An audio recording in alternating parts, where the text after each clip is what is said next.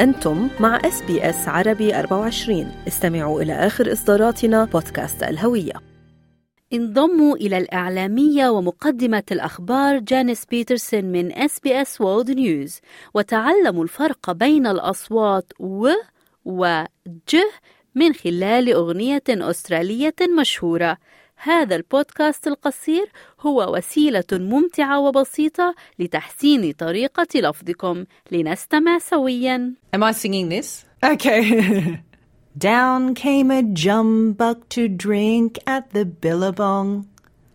Up jumped the swagman and grabbed him with glee. Hello, I'm Janice Peterson, and you might recognise me from SBS World News. Speaking clearly is an extremely important part of my job. I'm going to share some exercises you can easily do, wherever you are, to improve your pronunciation. Let's start. Can you think of a famous Australian song? Yo, waltzing Matilda, Matilda, me darling. Come a waltzing Matilda with me. This song is called Waltzing Matilda. It's a traditional Australian song, and the words were written by a famous Australian poet called Banjo Paterson. For a short time, it was even Australia's national song. Let's have a listen to a couple of verses.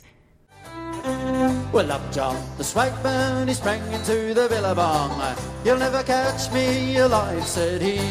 His ghost may be heard as you pass by the billabong.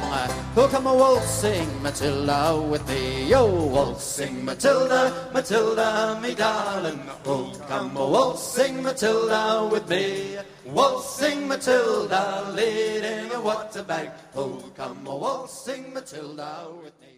This is a great song to practice pronunciation with. Today, we're going to focus on two sounds that many learners find tricky the W in waltzing and the J in jumbuck. A waltz is a type of dance.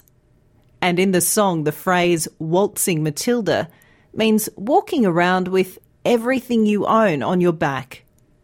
The word jumbuck is an old slang word for sheep. Let's start with some word pairs to see if you can hear the difference between the W and J sounds. War and jaw. Weep and jeep. Wet and jet. They may sound similar, but we make these sounds in very different ways. You can make the w sound by moving your lips together, as if you were going to whistle.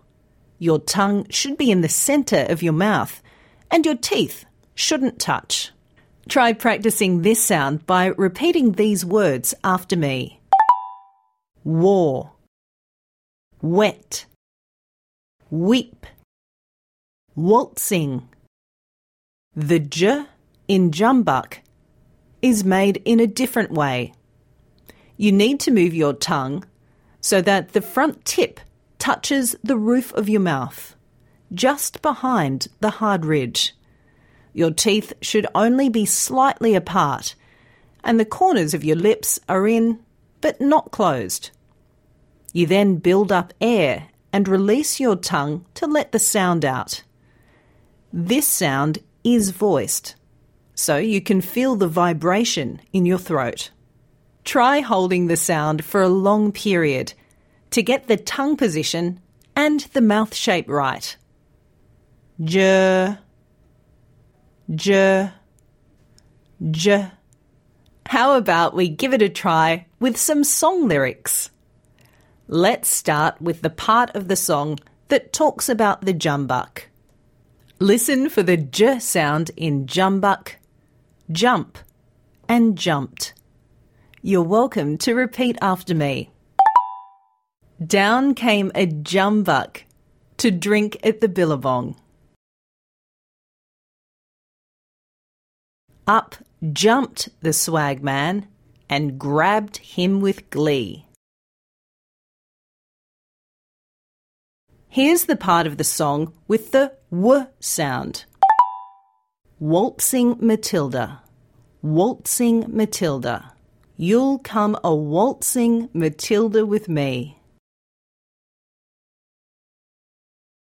Let's hear how some other learners are doing.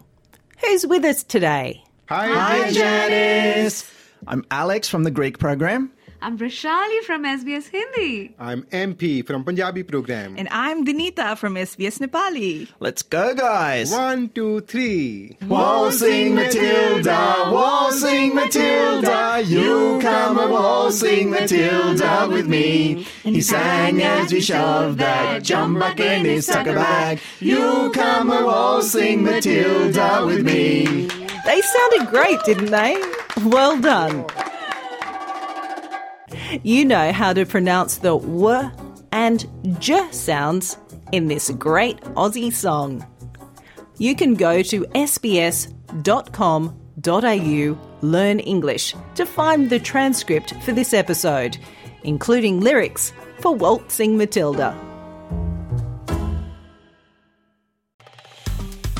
استمعوا إلى آخر إصدارات اس بي اس عربي 24 على جميع منصات البودكاست تابعوا بودكاست الهوية في موسمه الثاني الذي يروي قصصا واقعية تعكس تحديات الانتماء التي يواجهها الشباب العربي في أستراليا.